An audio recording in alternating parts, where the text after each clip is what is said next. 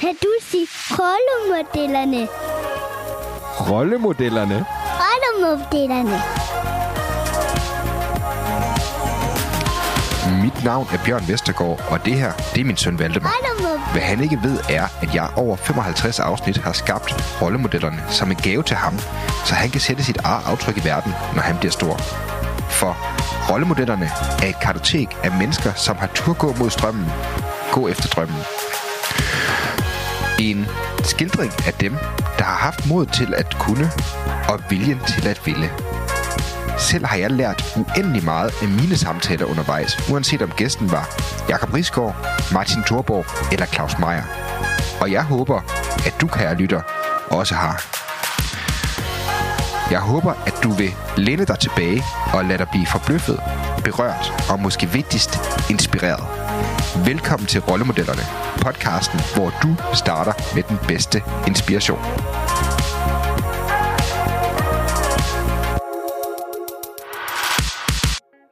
Ja, det er Bjørn her, og i dag faktisk måske med en af de allervigtigste afsnit i rollemodellerne overhovedet. Jeg ved godt, du tænker, at det lyder lidt vildt, når man tænker på det persongalleri, som tidligere har deltaget i podcasten. Men jeg mener det, fordi det her det er et afsnit, som handler om noget af en folkesygdom blandt iværksætterne. Stress og udbrændthed. For vidste du godt, at 72% af iværksættere er bekymrede for deres mentale helbred, og at 32% af de adspurgte direkte har oplevet mere end to tilfælde af livsforandrende mentale problemer i en større undersøgelse. Det er virkelig kedelige data, og pointen den er enormt vigtig, fordi jobbet som stifter af et startup, det er en af de hårdeste og mest stressfulde jobs, der overhovedet findes, og mange kommer til at betale en ultimativ høj pris for at have valgt iværksætteriet. Det er vi simpelthen nødt til at tage en snak om, og det gør vi i dagens afsnit med en ekspert på området. Selvom det er fem år siden, at rollemodellerne startede, er jeg med årene blevet mere bevidst om mit ansvar for at bruge podcasten til at sætte fokus på de alvorlige udfordringer og temaer, som iværksættere og high performers oplever, fordi det føler jeg er mit ansvar til iværksættermiljøet. Jeg er godt klar over, at dig, der lytter med, når du hører et afsnit med en Jakob Risgaard, en Martin Thorborg eller en Lars Seier, så planter det et iværksætterdrøm, og det er jeg mega stolt af, fordi vi har brug for flere modige iværksættere. Men iværksætterdrømmen har for mange mennesker en bagside, og det er blandt andet de svære mentale problemer, som man som iværksætter både skal kunne leve med og kunne toppræstere i. Hvis du er fastlytter, så ved du også, at jeg tidligere har diskuteret udbrændthed og stress med blandt andet Mia Wagner og Johan Bylov. Så udfordringen her, den er meget udbredt blandt mange af dem, som får succes i startup-miljøet. Jeg vil gerne sætte det mentale helbred blandt iværksættere på dagsordenen i rollemodellerne. Og derfor har jeg interviewet Cecilie Viller, som er executive coach og en af landets allerdygtigste eksperter inden for netop det her område. Cecilie hun har hjulpet mere end 200 founders og startups med at blive mere modstandsdygtige, eller resilient, som man kalder det på engelsk, øh, for netop at undgå det. I det her afsnit, der prøver vi at sætte fokus på de her typiske udfordringer, som iværksættere møder, men endnu vigtigere at give dig nogle pointer på, hvad du kan gøre for at forebygge de mentale udfordringer, man møder som iværksætter, så du kan undgå at ende blandt en af de iværksættere, som får mentale problemer. Det er netop derfor, jeg godt tør love, at det her afsnit det er en af de vigtigste, og jeg håber, at du, kære lytter, vil lytte med, og hvis du kender en iværksætterven, det her kunne være relevant for, så håber jeg virkelig, at du vil dele afsnittet. Øhm, det er derfor, jeg laver den her podcast. Rigtig god fornøjelse med rollemodellerne. Det her det er episode 64. Gæsten det er Cecilie Miller, og emnet af i dag er, hvordan vi modarbejder stress og udbrændthed i iværksættermiljøet.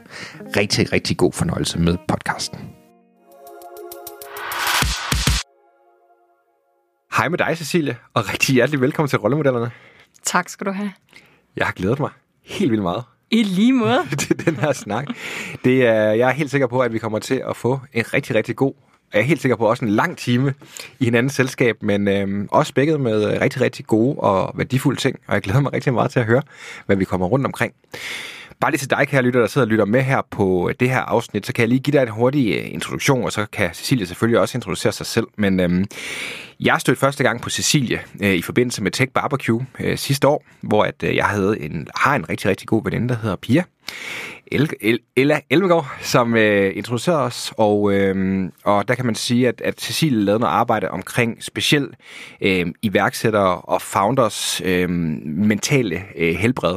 Øh, nogen, hun lavede en rapport omkring det, og noget af det, som der ligesom var i det, det var, at det så ikke så godt ud øh, for specielt mange af de her, i hvert fald teknologiiværksættere, founders, som er derude. Øh, det er man kan vist godt tillade sig at sige, jeg kigger lidt over på dig, Cecilie, at, øh, at hvis... Øh, at iværksætteri kan godt være lidt af en ekstrem sport, øh, sådan inden for den mentale sundhed. Mm.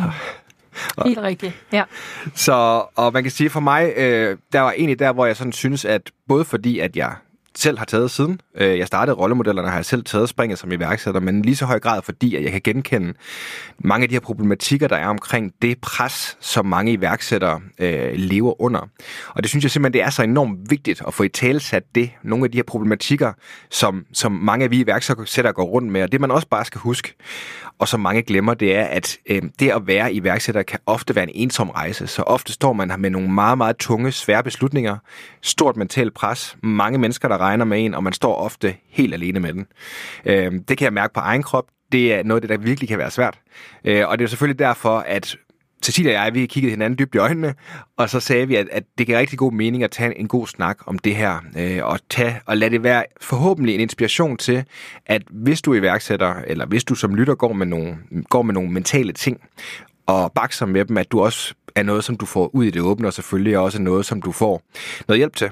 Fordi at det er så igen den anden del af det. Øhm, man skal ikke gå med de her ting selv, og, øhm, og man kan sige, at i sidste ende, så var det der, hvor at Cecilia og jeg øh, kunne se, at, at det kunne give rigtig god mening at tage en snak netop om det her med det pres, der ligger på dig som iværksætter på Founders, men selvfølgelig lige så høj grad også, hvad kan vi gøre ved det? Hvorfor nogle konkrete værktøjer kan vi gøre for netop at gøre det, den svære rejse, det kan være at være iværksætter, og specielt hvis du er en, hvor du skal ud og rejse investeringer, og hvis du er en, hvor du skal ud og vil lave det nye Airbnb eller Facebook osv., så, øhm, så øhm, er det klart, at så er der mulighed for at, øh, at være et tungt pres, og det skal vi selvfølgelig have snakket noget om i dag. Så var det, var det, var det, var det et okay indløb, Cecilie? Det var fantastisk. Altså, jeg tænker, jeg behøver slet ikke sige mere. jeg synes, det var så godt. jeg tror ikke, jeg har mere af det, så vi kan bare gå tidligt på, øh, på weekend. Ja, men vi sidder også her en fredag, en fredag eftermiddag. Ja. Øh, så det kan godt være, at vi bare skal have sådan en ja. 5 minutters podcast. Ja, det. Jeg synes også, der kunne godt være lidt vin og lidt et eller andet, men altså, nej, det er kaffe og vand. Det er kaffe. vi, vi, må, vi må holde os. Vi må holde os i skinnet i hvert fald ja, den næste times tid eller halvanden. Ikke? Ja, ja, det ja. tænker jeg. Så Cecilie, kan du ikke lige starte med først at fortælle, hvis nu at jeg vil have mødt dig til for eksempel Tech Barbecue, eller i mm. hver andet sted, hvor vi aldrig havde kendt hinanden, hvad vil du så præsentere, hvordan vil du præsentere dig? Hvem er du? Jamen altså, jeg vil jo præsentere mig som øh, coach og erhvervspsykologisk rådgiver for, for iværksættere øh, og iværksætterteams. Øhm, og både, altså både det her med, at jeg arbejder både med, med, med iværksættere sådan meget early stage, så det vil sige iværksættere, som har fået deres første venturekapital investering af en eller anden art. Øhm, så sådan har en idé og vil gerne gøre det til et produkt. Og så arbejder jeg også med iværksættere, som skal gå fra sådan det svære stadie, fra seed til Serie A og så videre, men også med iværksættere, som sidder og skal IPO eller har IPO'et eller er blevet opkøbt. Ikke? Så, så, øhm, og så det, jeg egentlig gør, det er jo at hjælpe dem med sådan psykologiske og ledelsesmæssige udfordringer på rejsen. Det er sådan min rolle. Så både sådan at være en støtte- og sparringspartner for dem, øh, men også sådan skubbe til dem og skubbe til deres perspektiver og måder at gøre ting på, både over for sig selv, men også over for deres, øh, deres team. Øhm, og så giver jeg dem så selvfølgelig også værktøjer i forhold til at kunne leve et bedre liv. Det er meget vigtigt for mig. Mm. Øh, så både at kunne leve et bedre liv som iværksætter, men også at kunne performe og, og, og være en bedre leder øh, i sit startup. Ja. Ja. Og bare lige for, for at tage lytterne lidt med på rejse. Hvis man ikke sådan er helt nede i det her sådan tech startup lingo, som øh, vi jo hurtigt kan komme til at komme ned af, så, så kan man sige, bare lige for at tage den, så er det selvfølgelig klart, at når vi snakker om de her investeringsrunder og så videre, vi snakker Series A, IPO og så videre, så er det klart, at når du tager en startup og teknologi starter op typisk fra en tidlig idé til der, hvor du begynder at rejse de rigtig, rigtig store penge, der vil der selvfølgelig også ofte være et eksponentielt større pres, når du lige pludselig har en, en virksomhed, der kan være værdisat til en halv eller en hel milliard, øh, så mange af dem, som jeg har interviewet, jo er lykkedes med. Øh, så for ligesom at sige, så tager man også den rejse, øh, både personligt, men også med sin virksomhed som founder. Det er den samme menneske. Man er egentlig på mange måder ens indeni, som øh, når man får den idé til, det kunne bare være fedt, hvis verden manglede det her, mm. til man står og skal øh, pitche investorer øh, for at rejse øh, en eller anden form for øh, investorrunde, som kan gå alt fra øh, 10 millioner til en milliard nærmest, ikke? eller, eller mere.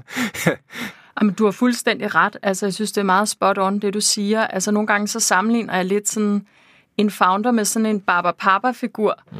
Det er sådan, hvis I kender det sådan i, i sådan en tegneserie, hvis man har børn, men det er sådan en figur, der egentlig kan hele tiden, den kan omforme sig til at være et hus, eller et bord, eller en stol eller en sky, alt efter hvad der er behov for. Ikke? Og det er lidt det, der er en founders rolle. Det er på de forskellige tidspunkter i virksomhedens vækst at kunne indtage forskellige roller og også kunne indtage forskellige mindsets øh, i forhold til også at kunne få virksomheden til at gro. Og det er, øh, det er en hård og en øh, spændende og fed og udviklende rejse, men det er sådan en udvikling på, på speed, ikke? altså øhm, ja. på mange områder. Det kan det være, det kan det være, kunne jeg forestille mig. Og netop også som det der med, og det kommer vi helt sikkert tilbage til at snakke om senere, men også netop en, en du, vil, du vil være i lange perioder enormt meget uden for din egen komfortzone, fordi du bliver hele tiden præsenteret med ting, som du aldrig havde oplevet før. Øh, og du ikke ved ikke, hvordan du skal håndtere det, men i lige så høj grad også, der er en masse ting, du simpelthen ikke rigtig kan kontrollere. Øh, om der lige er den rigtige investor til dig på en investeringsrunde, eller om der er en investor, der springer fra, når du står næsten og ved at løbe tør for penge, og, sådan nogle, øh, og du har nogle ansatte, du skal betale osv., sådan nogle rigtig svære problematikker, som, som, som er noget, som jeg kunne forestille mig kunne give noget mentalt øh, pres. Øhm, men det kan vi snakke lidt mere om senere, Cecilie, for lad os lige, inden vi sådan rigtig sådan for alvor dykker ned i hele det her mentale space omkring iværksætteriet, kan du prøve at sætte et par ord på, hvordan du kom på den her rejse? Hvad var det, der sådan tikkede ind i dig, øh, der gjorde, at øh, du tænkte det her med at så hjælpe iværksættere, hjælpe founders med deres mentale sundhed? Øhm, hvad skete der? Jamen, altså sådan for... Altså, jeg, jeg er jo, min, min uddannelse er sådan erhvervspsykologisk, så jeg har altid interesseret mig enormt meget for menneskelig psykologi, organisationer, teams og ledelse. Øhm, og så har jeg arbejdet i mange år øh, med ledelsesudvikling og teamudvikling, men i sådan store virksomheder i Carlsberg Danske Bank og endte egentlig med at sidde i sådan Danske Banks øh, sådan fintech startup øh, en, øh, du kan sige investering i noget der hedder Mobile Life og var en del af at starte det op fra bunden af og var en del af at bygge produkter og få dem ud til til folk og kunder, der blev sure, eller ikke synes, det var fedt, mm. eller synes, det var fedt, og så videre. Så, så var ligesom en del af hele det her med, hvordan, hvordan tager man en idé og gør det til noget. Og, og i den proces, øh, der, der, der kom det sådan bag på mig, så lidt fokus der egentlig var på både teamudvikling, men også den, den menneskelige udvikling, når man sidder og skal skabe noget for bunden.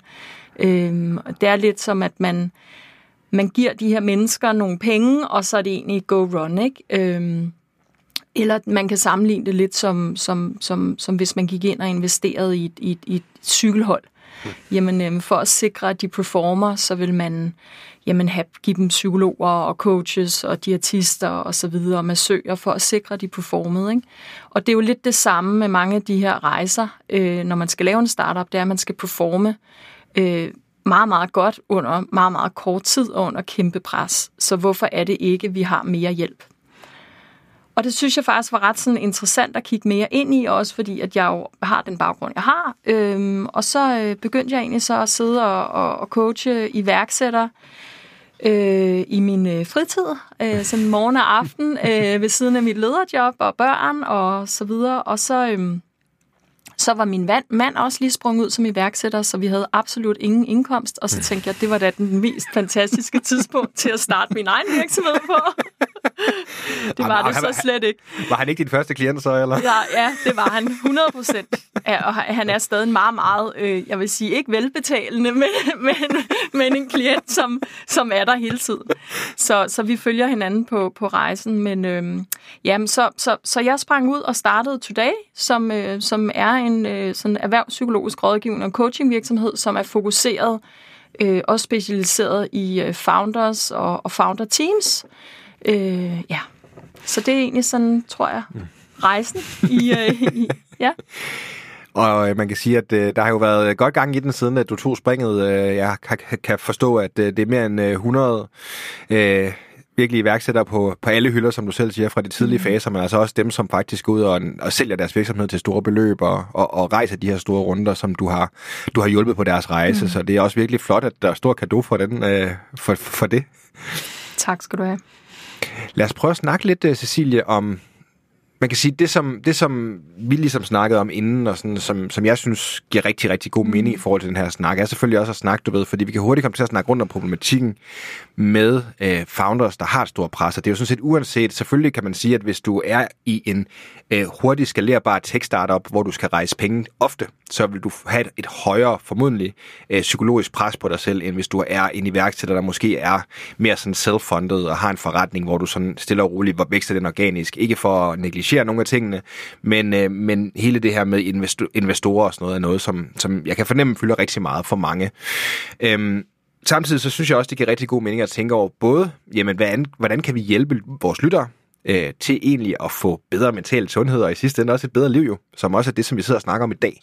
Øhm, på sådan et konkret og sådan et øh, meget sådan, jeg lige vil sige værktøjsagtigt plan, det, det er måske et forkert ord at bruge, men lad os prøve at snakke lidt om det, fordi at, at noget af det, vi i hvert fald har snakket en lille bitte smule om, at det her med, at for at kunne tage en virksomhed fra en idé, eller fra en tanke, eller fra den første indsigt, og så til der, hvor du måske står og har 100, 200, 500, 1000, 5000 mennesker, der skal du først og fremmest ud på en, en stor rejse ekstern, men der sker også en rejse med dig internt. Kan vi prøve at tage en snak om det, det der med, hvordan går du, altså sådan personligt, hvordan kommer du i gang med det her med egentlig at, at, at, at starte, en, starte en virksomhed og starte den her rejse, men gøre det på en, på en måde, som måske er lidt mere bæredygtig end noget, nogle af de problematikker, vi sidder og snakker om rundt om her? Mm.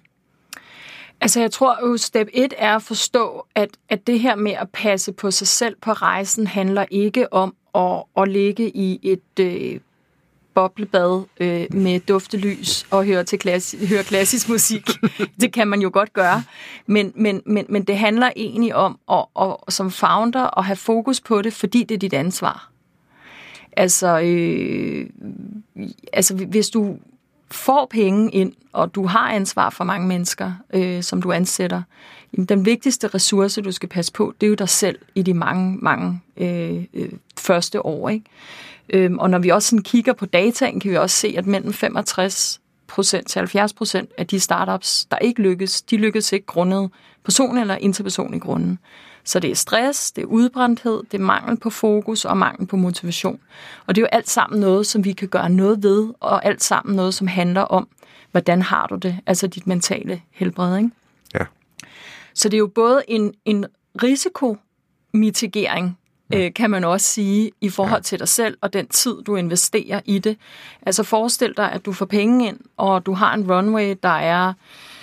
Altså det er så den tid, hvor du har til at gro din virksomhed og til at, at bruge pengene på at nå dine mål i forhold til dine investorer. Jamen lad os sige, at du har et års tid, og du bliver udbrændt eller går ned med stress eller tager enormt dårlige beslutninger, fordi at du er så presset, så din kognitive evne er enormt lav. Jamen øhm, så mister du måske halv, halvdelen af den runway. Ja. Altså, det er jo en enormt dårlig investering, både mm. i dig selv, men også mm. i virksomheden. Øhm, så det er sådan den ene ting, det der med at forstå alvoren i det, og vigtigheden i det, ikke? Øh, synes jeg er meget, meget vigtigt. Så det er ikke bare sådan noget add-on, øh, boblebad sådan noget. Det er altså en, en reel ting, ikke? Altså, jeg plejer sådan at sige til de founders, jeg arbejder med, at øh, sådan de spørger, og vi snakker tit om, hvad er rollen som founder CEO, ikke? Øhm, og der er jo en, øh, en, en, en, en, en god gammel venturekapitalist, der hedder Fred Wilson, der var en af sådan, de første sådan, tech-investorer, der sagde, at en CEO's rolle er ligesom tre ting. Det er sådan øh, at, at, at, kan man sige, at sikre pengene, altså sikre ressourcer i virksomheden. Øh, det er at, at, at sikre teamet, altså øh, sikre de rigtige ressourcer kommer ind i teamet, øh, men også at, at fastholde dem. Og så være, være, være, kan man sige, holder og barrier for visionen. Øh, og det er sådan primært en founder CEO's tre vigtigste roller. Så ved jeg godt, at i starten har man alt muligt andet, man også skal lave. Ikke? Så det er jo, man har ikke den luxury på det tidspunkt til kun at have det, men det får man på et tidspunkt. Og så vil jeg så sige, så er der et fjerde ben mm. som founder CEO, og det er at, at passe på sig selv. Altså attend to self, ja. som er enormt vigtigt, for det er jo fundamentet for din performance. Så, så jeg tror, det første er ligesom at forstå vigtigheden af det, øh, både i forhold til din one-way, men også forstå vigtigheden af det i forhold til, at du, du er virksomheden i starten. Så når jeg for eksempel går ind og nogle gange kan jeg blive kaldt ind, og, og, og så kan jeg sidde med en founder, og så siger man, der er en meget lav tillid i organisationen, eller hvad det nu er. Øhm, og, og, og pinen peger næsten altid op på founderne, eller founder-teamets relation. Ikke? Ja. Så, så sådan, der er jo det her fantastiske saying med, at art imitates life, øh, og jeg vil sige, at, øh, mm. at i startup-verdenen, så er det, at the startup imitates its founders. Så ja. hvis man ikke har det mentalt godt, øh, og er stresset og udbrændt, og ja, går rundt og snapper af folk, og ukontrolleret, og tager virkelig dårlige beslutninger, øh, og ikke skaber et godt arbejdsmiljø, jamen det går ud over kulturen og organisationen, og både din egen performance, men også organisationens performance. Ikke? Så det er også det der med at forstå, at det er et ledelsesansvar.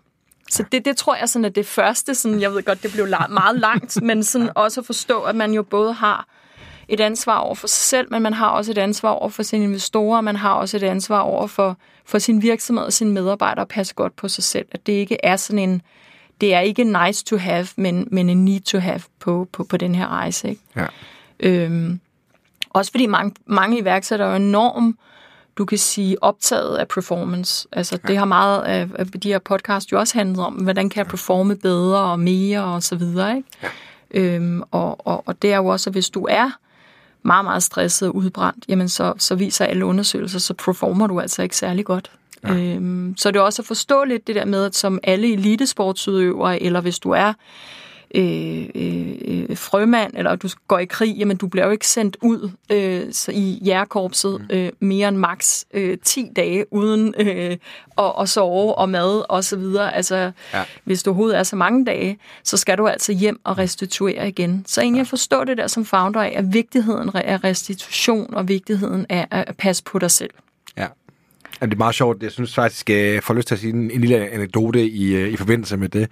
Det er meget fedt, når der er et bagkatalog af folk, der har været på rejsen, ikke? så kan man altid trække lidt på det. Men jeg kan huske, en af de ting, som, som der altid har været omkring netop det der med, fordi jeg altid synes faktisk, at for mig har det altid givet mening at så sammenligne det og så være øh, at bedrive iværksætteri med elitesport, fordi det er så ekstremt, og det kræver så mange fravalg, og det kræver så meget, at du dedikerer dig øh, til det over en lang periode, og faktisk også måske nogle gange i længere perioder end egentlig elitesportsfolk, hvis man skal være ærlig omkring det. Ikke? Og det kan jeg bare huske det der med, hvor meget skal du brænde dig selv igennem for at gøre det, var sådan en af de ting, som jeg i hvert fald gik for 4-5 år siden sådan, og reflekterede lidt over det der, netop fordi der var folk, der var ude og sige, jamen du skal bare brænde den fuldstændig af, ikke? Øhm, og der var, hvor jeg sådan, i hvert fald rent intuitivt kunne godt se, at det giver jo ikke mening og brænde dig selv så meget af, fordi du hele tiden lever og træffe de her beslutninger, og det giver sig selv, at din krop er en, øh, din, din krop, den har brug for restitution, den har brug for hvile. Og det kan jeg huske, at jeg snakker faktisk med Jakob Jønk om, som jo også i hvert fald er et rigtig godt eksempel på en, der har været på den her rejse af forskellige omgange faktisk. Du ved, og, og han sagde det bare så fint, kan jeg huske, at han sagde det der med, altså han synes, det var totalt bullshit.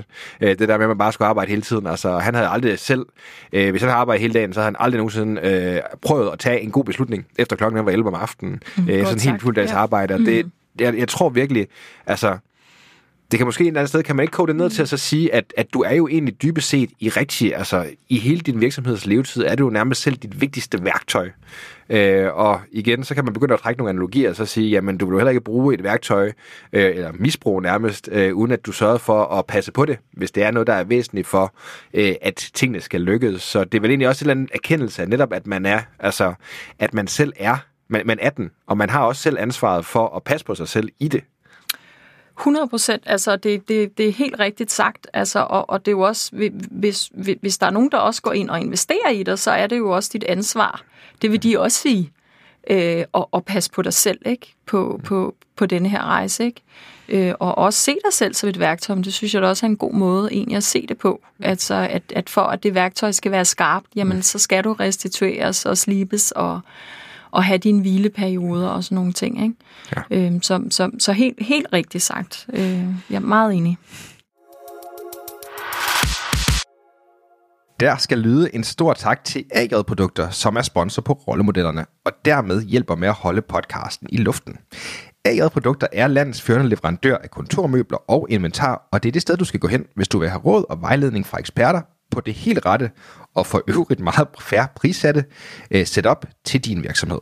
Gør dig selv og din forretning en tjeneste og hop ind forbi ajprodukter.dk for at finde det udstyr, som skaber de bedste rammer for dig og din virksomhed. ajprodukter.dk er adressen. Back to the show. Mm. Jamen altså, det er simpelthen fantastisk sådan fredag eftermiddag. Det kan vi hurtigt blive enige om, Cecilie. Jeg får faktisk lyst til, og det, det, kan, det, det, det kommer vi nok lidt tilbage til, men jeg får lyst til, fordi det minder mig nemlig meget om det der, sådan, altså, jeg er jo tidligere professionel pokerspiller, øh, og faktisk mange af de ting, og de ting, jeg lærte omkring det, der kan jeg huske faktisk noget der, hvor jeg sådan ligesom startede min egen rejse med at sige, hov, der sker et eller andet her. Det var faktisk fordi, at jeg kunne opdage, at det kunne være meget forskelligt, hvordan, at det, hvordan jeg kunne sidde. Altså, jeg sad, jeg spillede ofte online øh, foran computeren, øh, og jeg kunne sidde på det samme stol, i det samme plads, øh, i de, og spille de samme spil. Og det kunne bare være vidt forskelligt, hvordan jeg oplevede tingene fra dag til dag. Og det gav mig sådan på en eller anden måde den der erkendelse af sådan, hvad er det, altså hvis de, alle de andre ting er på samme måde, hvordan kan det så egentlig være, at det kan føles så forskellige?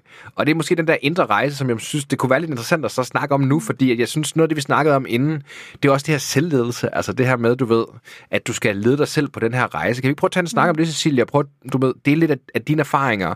Af, hvad er det for nogle ting, som man som founder skal være opmærksom på, øh, når man gør det? Hvad er det for nogle værktøjer, der kan være gode for netop, og så sørge for at holde sig selv øh, og passe godt på sig selv mm. øh, i det her sådan stressende miljø? Jo.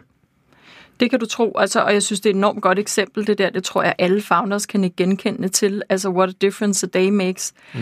Altså, at, at du, efter du har sovet godt, eller altså har restitueret på en god måde, jamen mm, så er din virksomhed jo bare fantastisk, og der er ikke det, du ikke kan nå med den, og dine medarbejdere, jamen altså, de skal nok nå de tal alligevel, ikke? Øh, og hvis du har sovet dårligt, så er det bare fuldstændig det modsatte. Ikke? Så din, som, som du selv sagde, din mentale kapacitet og din holdning til livet er simpelthen så meget tight op til, jamen, hvor godt du passer på dig selv. Ikke? Ja. Øhm, så jeg tror også, det er det der med, som du siger, altså i forhold til, til, til selvledelse, altså det er jo også at forstå, øh, så både vigtigheden af det, men også at forstå det her med at sætte nogle, tillade sig selv og have nogle mentale, altså mental health structures, altså tillade sig selv også ikke kun at være i det, jeg kalder for driversystemet, altså der, hvor vi hele tiden performer, og hvor, hvor hjernen øh, udvikler dopamin, men vi også tillader os selv at gå over i det beroligende system, altså hvor vi tillader os selv sådan helt bevidst at sige, jamen nu lukker man for computeren, og nu er man så sammen med sin familie, eller man mediterer, eller man går en tur i skoven, eller man sørger for sin søvn. Altså jeg vil jo altid sige, at søvn er number one, one, one. Altså, mm. Så det der med egentlig at få nogle gode soverytmer øh, i forhold til mentale øh, strukturer, altså få lukket ned i tide fra computeren, allerede måske ved 9-tiden. Når jeg siger det til fagner, så sidder de og kigger på mig og siger, what? øhm, lyt til noget meditation, altså gå ind i noget beroligende, inden man skal sove. Øh, der er jo også mange founders, der i stressende perioder har det med, at de vågner klokken 3 om natten. Jeg ved ikke, hvorfor det er klokken 3, men det er oftest klokken 3. og så bekymrer, kommer de her bekymringstanker. Så også egentlig at, at, at lære at håndtere de her bekymringstanker. Mm. Øh, både, både ved helt konkret at enten gå op og skrive dem ned på et stykke papir, så, så de simpelthen bliver mere konkrete ja. øh, og går fra, fra den mere følelsesmæssige hjerne, som, som der jo er, når man sover, øh, op til frontalkortex igen, som kan, kan, kan gøre, at bekymringerne kan forsvinde øh, hurtigere, og så kan man lægge sig til at sove igen eller også for eksempel at lytte til, til en, en lydbog, eller lytte til noget meditation. Ikke? Ja. Så det er jo det her med også at finde ud af, det er jo ikke sådan one size fits all, men egentlig altså at tillade sig selv. Jeg tror, ordet tilladelse vil jeg egentlig gerne bruge, fordi jeg tror faktisk, det er noget af det vigtigste for en founder. Det er virkelig at tillade sig selv, at det er okay, at jeg bruger tid på at restituere. Det er okay, jeg bruger, ikke bruger tid på at arbejde. Og det er nærmest nogle gange lidt, hvis man har været i overdrive for længe, så er det lidt ligesom, at, at, altså, at, at man skal affikses. Ikke? Mm. Ja. Øh, og det kan nærmest virke unaturligt, at man ikke skal tjekke sin telefon, og man ikke skal arbejde efter klokken 9 og sådan nogle ting. Ikke? Så det er jo også noget af det, som jeg går ind og arbejder med, det er at få lagt sådan, hvad fungerer for den enkelte founder, øh, og, og, og hvad er det, der er øh, den her enkelte founders beroligende system, og hvornår kan han eller hun gå ind i det. Så det er så nummer et, det er selvfølgelig at finde de her mentale strukturer, øh, som jo sådan egentlig er meget konkret. Ikke? Mm. Og så er det jo selvfølgelig også hjælp til at håndtere de psykologiske udfordringer, der er, når man er founder. Øh, og iværksætter. Og der, øh, der har jeg nu så arbejdet længe nok med iværksætter til at kunne se, jamen der er nogle specifikke områder, som alle iværksættere døjer med, eller har som, som psykologiske udfordringer på, på den her rejse, som jo også indeholder alle mulige fantastiske ting, så er også det kommer ikke kun at sige, at det er sådan... Øh, men, men nu i tale sætter vi jo ligesom det, der er hårdt, og de udfordringer, der kan være. Ja. Og Men-. Cecilia, inden vi sådan hopper op, altså ja. Fordi at, øh, jeg synes i hvert fald, at det er rigtig, rigtig vigtigt, og det der var så snakke om det her med, hvad er det for nogle udfordringer, vi ser, hvad er det for Ja. nogle overordnede temaer, du ser Ja. med det der er, Ja. og netop de her ting, som vi også kan få i tale dem på en ordentlig måde. Når vi snakker lidt om det her, om de her mentale strukturer og så videre, øhm, og vi har snakket sådan lidt om det. Har du nogle, hvis, hvis du har en af dine øh, klienter eller andet, eller du sad, der var en, der spurgte dig sådan, har du nogle gode råd til, hvordan man finder dem? Altså, hvordan finder du bedst ud af det for dig selv? Øh, er der nogle mønstre, nogle måder, hvor det giver mening, øh, nogle ting, man skal være bevidste om, når man er på den rejse, hvor man prøver på en eller anden måde at danne nogle sunde mentale strukturer for sig selv? Men altså, jeg, jeg, jeg tror virkelig, det her med søvnen, det tror jeg faktisk er, altså, som jeg har sagt, er alfa og omega. Altså, og jeg vil nærmest sige, at, at prøve at komme tidligt i seng, og prøve at lukke ned for devices tidligt. Øh, så er der mange founders, der ligger og læser faglitteratur, inden de skal sove. Det er rimelig stressende, det skal man ikke gøre. så, så, så der er nogen, som, som, hvor, hvor jeg siger sådan, jamen, jamen tag, tag en skønlitterær bog. Altså få dig ud et andet sted. Altså få dig lidt væk fra det her med at være iværksætter, fordi ellers er man bare iværksætter hele tiden. Ikke? Ja. Øhm, så, så, så det vil jeg helt klart anbefale, at man sådan... Øh, og, så, og så også efter de her runder, øh, når man er iværksætter, de her øh, investeringsrunder, som jo er enormt hårde og enormt krævende. Så både før og efter at passe ek- ekstra godt på sig selv, og også tillade sig selv at passe godt på sig selv efter en investeringsrunde. Det kan være, at man siger, man tager tre dage fri. Uh, det er meget scary. men, men det siger jeg til, til mine founders, at nu har du knoklet, og, og, og nu ved du, at nu har du fået de her penge hjem. Men du ved også, at der er et ret stort arbejde, der ligger foran dig. Kan du tre, tage tre dage? Kan du tage en uge, hvor du trækker stikket fuldstændig, gå ud i naturen, du fisker, øh, er sammen med dine børn, hvad, hvad der nu giver dig ro, øh, for ligesom at restituere. Øhm, så så ja, det er jo ikke fordi, det er sådan noget øh, wow, altså tips og tricks, og det er helt vildt. Altså det er jo meget natur, meditation, nære relationer, altså hold fast i dem. Ja. Øh, sport kan jo også virke for rigtig mange mennesker, ikke? Altså det her med at komme ud og dyrke sport, øh, drikke go- godt med vand, det glemmer jeg selv, og så også spise ordentligt, ikke? Og, øh, og så selvfølgelig søvnen. Så, så det er jo ikke sådan nogle råd, som, som, som der er øh, de, de er svære at følge, men, øh, men, men når man skal performe, så er det jo sindssygt vigtigt, at, at man har en struktur for det. Jeg er så vild med den der, der hedder Common sense isn't always common practice. Og det er det er Ja. netop det der med, at det kan lyde sådan lidt, altså, og Det er det. det er det, når man, når man siger det, så kan det lyde næsten sådan lidt kliché. Fuldstændig banalt. Altså banalt, Ja, ja, ikke? Men det altså det. igen, det er netop det der med, og det kan man faktisk ikke understrege nok, og, og sjovt nok Nej. faktisk, i de sidste afsnit, der sad jeg også og snakkede med Halfdan Tim, øh, omkring det der med, jamen netop søvn, altså motion, alle sådan nogle ting der, som Ja. lyder som noget, som en man får at vide af sine forældre, ikke? Jo. altså, men, men ja. netop det der med, Ja. at, man, at man også både anerkender, at det er der, og det er Ja. nø- nødvendigt Ja, ofte, er men det. også at man faktisk også tør at sige, at altså fordi man for eksempel med motion eller kost og så videre, som er så vigtigt, men at, altså, at det er bedre at gøre noget, end Ja. det er intet at gøre. Altså, så man også tillader sig selv at komme i gang med det. Ja. Øh, og det, det er også noget, som jeg synes er en ret vigtig pointe at lave, nemlig det der med, fordi, at det tror jeg netop fordi, at, at, at at efter min bedste overbevisning er mange af dem, som vi sidder og snakker om her, som er dem, der sidder og leder de her øh, meget, meget, meget store startup-succeser. Det er også dem, som man vil kunne kalde insecure overachievers, eller dem der, der virkelig, virkelig er ekstremt målrettet. Og det er også dem der, hvor at hvis det skal være, så skal det også bare være helt perfekt, ikke? Og det er også, tror jeg et eller andet sted også bare i hvert fald, det er vigtigt at så sige det der med netop, jamen, øh, at måden det bliver perfekt på for mange, vil også være bare at komme i gang. Du har fuldstændig ret, og, det, og jeg er også meget, meget fortaler på de her microchanges. Altså man bare går ind og laver en lille ændring. Altså for eksempel siger, jamen kan man bare begynde at ændre sine sengetider, så man går i seng måske en time før, end man plejer. Det kan gøre en kæmpe forskel. Ikke? Øhm, så, så, så det har du fuldstændig ret i. Øhm, og, og, og det handler mere om altså, at få det ind og få det praktiseret. Og det er jo også der, hvor jeg sådan kommer ind i billedet. Det er, jeg er jo lidt ligesom et, et træningscenter på, på den måde, at, at jeg er også en reminder, øh, hmm. når, når, når mine øh, gode klienter kommer til mig, jeg er også en reminder på, jamen har du passet på dig selv? Hvad kan du gøre for at passe bedre på dig selv? Hvad har du gjort? Og så videre, ikke? Og hvordan går det? Og sådan nogle ting. Ikke? Så de laver jo også en, en, en selvreflektion og en check-in, når, når de er hos mig, der gør også, at det er nemmere for dem at fastholde ja. og passe på sig selv. Ikke? Og så tror jeg, det er ordet tilladelse. Altså, der er mange founders, der har enormt svært ved at tillade sig selv at passe på sig selv. Altså, det er næsten sådan lidt naturstridigt, så det kan nogle gange godt være enormt svært at lære at slappe af. Ja. Og, og det er også det, som jeg sådan siger, altså mit, mit fornemmeste arbejde, der er egentlig at hjælpe dem til at lære at slappe af, hjælpe dem til at komme over det beroligende system, for at kunne performe bedre, men, ja. men egentlig ikke at sidde og snakke performance og, og, og på den måde, men egentlig snakke livet og, og, og, og hvordan de bedre kan, kan, kan have et mere balanceret liv. Ikke?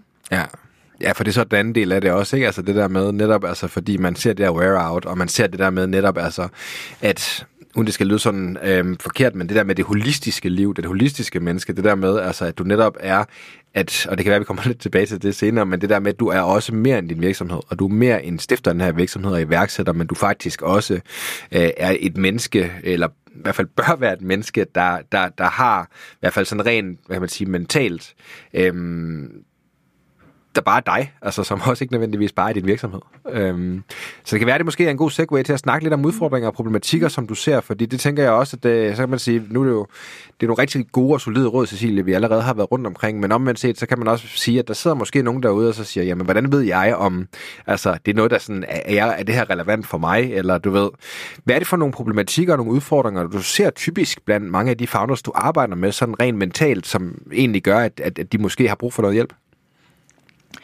Jamen altså, vi kan jo sådan tage sådan den første, du nævnte her, ikke? Altså det her med, når man starter en virksomhed, altså at man, øh, det jeg egentlig ser som værende sådan en psykologisk udfordring der, det er, at man, man godt kan komme til at, at koble sin, øh, sin identitet og, og sit selvværd med virksomheden. Mm. Øhm, og det tror jeg egentlig, altså øh, nu er vi sådan meget, øh, øh, du kan sige, founder-fokuseret nu. Det gælder jo for alle mennesker, som er meget passionerede. Om det er kunstnere, musikere, malere, øh, high-performing topledere, øh, sportsfolk, øh, kokke. Altså, det jo gælder jo hele vejen rundt, at hvis man er meget, meget passioneret for noget, jamen så går man jo meget ofte også fuldt ind i det. Men det, man sådan skal lære, det er jo både sådan at gå lidt ind i ilden, for ligesom at skabe noget smukt, men også at trække sig igen, så man ikke bliver brændt op.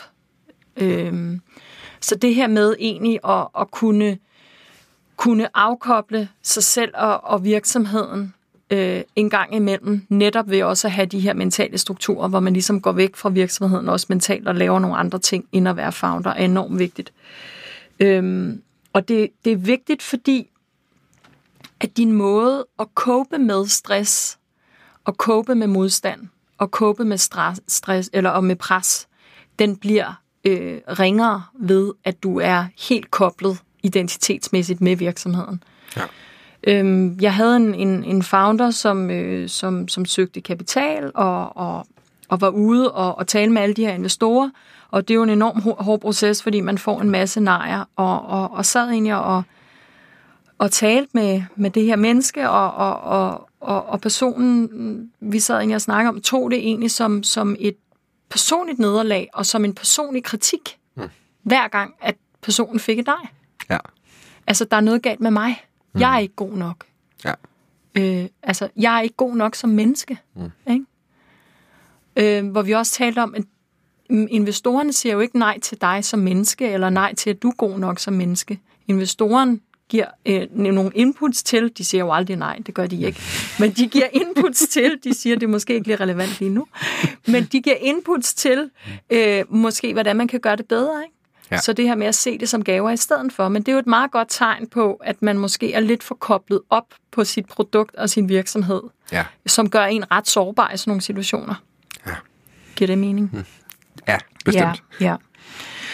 Og så er der jo en anden ting, som også, altså ud over det her med, altså som jeg kan se er en psykologisk udfordring, at man kobler sig selv og, og virksomheden. Øh, og, og hvad kan man gøre ved det? Ja, igen, det her med at have nogle mentale strukturer, i sit liv også, hvor man også holder fast i det, som gør en til dem, man er som menneske, som gør, gør dig til dig, øh, Bjørn, og, og mig til mig. Og det er jo øh, in the end of the day, når vi også lukker øjnene, det er jo også øh, de nære relationer, vi har, og de mennesker, vi elsker, og de andre ting, vi måske også elsker at lave. Øh, og, og blive ved med også at holde fast i det, er, er super vigtigt i det her, og er, kan være med til, at man også holder fast i, hvem man er, og at man ikke kun bliver virksomheden. Ja. Så, så det er sådan det, man egentlig kan gøre ved det. Ikke? Det er at blive ved med at holde fast i, hvem man også er som mennesker, ikke kun som founder. Og det er vel også, egentlig også et fokusting, ikke? Altså sådan, hvis man ser sådan på det, fordi Ja. det er det der med, altså det er jo netop, altså mange af de her øh, founders, der går den her vej, er jo ekstremt fokuseret, fordi det er, de vil så meget lykkes med den her virksomhed, mm. og det er jo sådan et DNA, altså mm. øh, faktisk en sjov anekdote, jeg... Øh, jeg har sådan en talk, øh, et foredrag, hvor jeg sådan fortæller om nogle af de her sådan overordnede karaktertræk, som, som jeg har set ved mange af de her founders, jeg har. Og der kan jeg faktisk huske, der kom en sådan bagefter og spurgte mig ved en af dem, hvor jeg sådan spurgte, øh, sådan, og jeg kunne mærke, at det kom fra et meget dybt sted inde i hende, hvor hun sådan sagde, Bjørn, har du nogensinde tænkt over, at sådan, dem, som du har, dem, er der nogle af dem, som du har interviewet, af de her meget succesfulde iværksættere videre, som du tror måske ligefrem har nogle diagnoser eller noget andet, ikke? Mm. Altså, og det spurgte hun, hun stillede spørgsmålet, mm. fordi hun selv havde et barn med en diagnose, du ved, og kunne genkende mm. mange af trækkene i en. Og man siger, grunden til, at jeg synes, den er, det giver mig, altså, et eller andet sted, som jeg synes, det giver mening, er det der med, at, at balancen er så hårfin, ikke? Altså, fordi det er det der med, at når man vil noget så meget, så er du så meget i det. Øhm, og det er netop det der med, så er du også fokuseret. Og Det fokus, det, mm. du ved, ja. hvis ikke der er nogen, der kan hjælpe dig, og hvis ikke du kan hjælpe mm. dig selv med at få fokuset på Ja. de ting, der ligger øh, i, dit, i dit identitet, ud over det, mm. øhm, så er det måske netop der, hvor du oplever der, at du er, du bliver din virksomhed, mm, og det er måske det ikke nødvendigvis er vejen i hvert fald til et godt liv, kan man sige. Jo, og det er også, du kan sige, i forhold til mental modstandskraft, altså mental resilience, så er det også en af de punkter, som jeg i hvert fald kan se, at hvis man er meget, meget koblet mm. til sin virksomhed identitetsmæssigt, så er man ikke særlig modstandsdygtig mod pres, kritik, stress og udfordringer. Mm. Fordi at man er simpelthen for attached til den, Ja. i stedet for at være committed. Ja. Så vi vil egentlig gerne have dig hen, hvor du er committed til din virksomhed. Du synes, det er fedt, du er motiveret i at være der, men det er ikke din baby, det er ikke en del af dig, det er ikke en del af din, din grundlæggende identitet. Ja. Det er bare en virksomhed. Ikke? Ja. Og den kan godt dø, uden du dør. Mm. Ikke? Ja. Fordi det er jo et farligt sted, hvis du sidder der og føler virkelig, jamen jeg, jeg dør næsten, hvis den her virksomhed dør. Det tror jeg, der er nogle founders, der jo, eller det ved jeg, der sidder med den følelse. Så det er også at huske dem på, altså hold op, ikke? Ja. Altså, du ved, der er mange, mange timer investeret, og der er, der er meget hjerteblod og, og, og, og, og tårer og sved og så videre, men in the end of the day, så er det en virksomhed. Ja. Ikke? Og det er faktisk det, det, det, det er sjovt. Jeg burde faktisk lige have givet dig lige lidt mere pause, fordi jeg synes faktisk, pointen var så vigtig, at vi må lige gentage den. Men du ved, det sjove er jo faktisk, det gælder jo begge veje, ikke? For det gælder det der med, som vi snakker om, jamen hvis ikke din virksomhed skal eksistere længere, men faktisk har rigtig mange, som jo faktisk har lykkedes i en rigtig stor skala med deres virksomhed, men har valgt at så sælge den og exitte den, har jo næsten det samme problematik faktisk. Det er jo det, der er sådan lidt skørt, ikke? Jo. Altså, Jo. Og det er jo, og, og så kommer identitetskrisen der, ikke? Altså, ja. hvis det er, man ikke måske på samme måde helt, altså der kan jo være mange årsager til det, men, men, men det er jo meget klassisk, hvis man har været noget så længe, og lige pludselig så er man det ikke længere, at hvem er man så? Ja. Øhm, øh, så kommer der en anden krise, ikke? Og, og så samtidig, så kommer der jo også det her med, at, at man jo som menneske generelt, og som founder jo, når man har de her meget ekstreme mål, også har en oplevelse af, at når jeg kommer dertil, så bliver alt godt. Hmm. Ikke? Så jeg lykkes, jeg bliver lykkelig, mit liv bliver fantastisk. Det er der jo en indre, tror jeg, forestilling om. Øh, eller det kan jo også bare være, at man når til den næste milestone, så bliver alt godt. Ikke? Og, og, og det ved mange iværksættere også, at det der så sker, der så kommer der en anden milestone. Ikke? Så er der noget nyt. Altså når man ligesom har rundet det hjørne, så er der et nyt hjørne, man skal runde. Ikke? Ja. Og det er også det samme, når man er IPO'et. Jamen så sidder man der. Jamen, hvad så? Men man er jo stadig den, man er. Mm. Ikke? Man har jo stadig de følelser, man har. Ikke? Og mm. der er jo ikke noget, der fundamentalt har ændret sig. Mm. Andet end man måske har fået nogle penge ind på en bankkonto, hvis man har været altså, så heldig. Mm. Øhm, men, men, men, men det er jo der, forskellen egentlig er. Mm. Ikke? ja. Så det er jo, sådan, det er jo en lidt dybere, mm. øh, dybere snak, øh, som, som, som vi alle sammen jo har som mennesker, der også stræber efter noget bedre et bedre liv og så videre. Ikke? Og i buddhismen, det er jo fantastisk. Altså, øh, jeg er meget optaget af buddhismen i øjeblikket, men, øh, men det der med også at sige, jamen det bedste tidspunkt i dit liv, det er lige nu. Mm. Fordi det er nu. Og det er jo enormt svært for os egentlig som mennesker at forstå, men jeg synes bare, det, det er enormt smukt, ikke? og det er jo også det, som man som iværksætter også skal huske, det er, at det er nu, der er det bedste tidspunkt, fordi det er processen, der er fed. Ikke?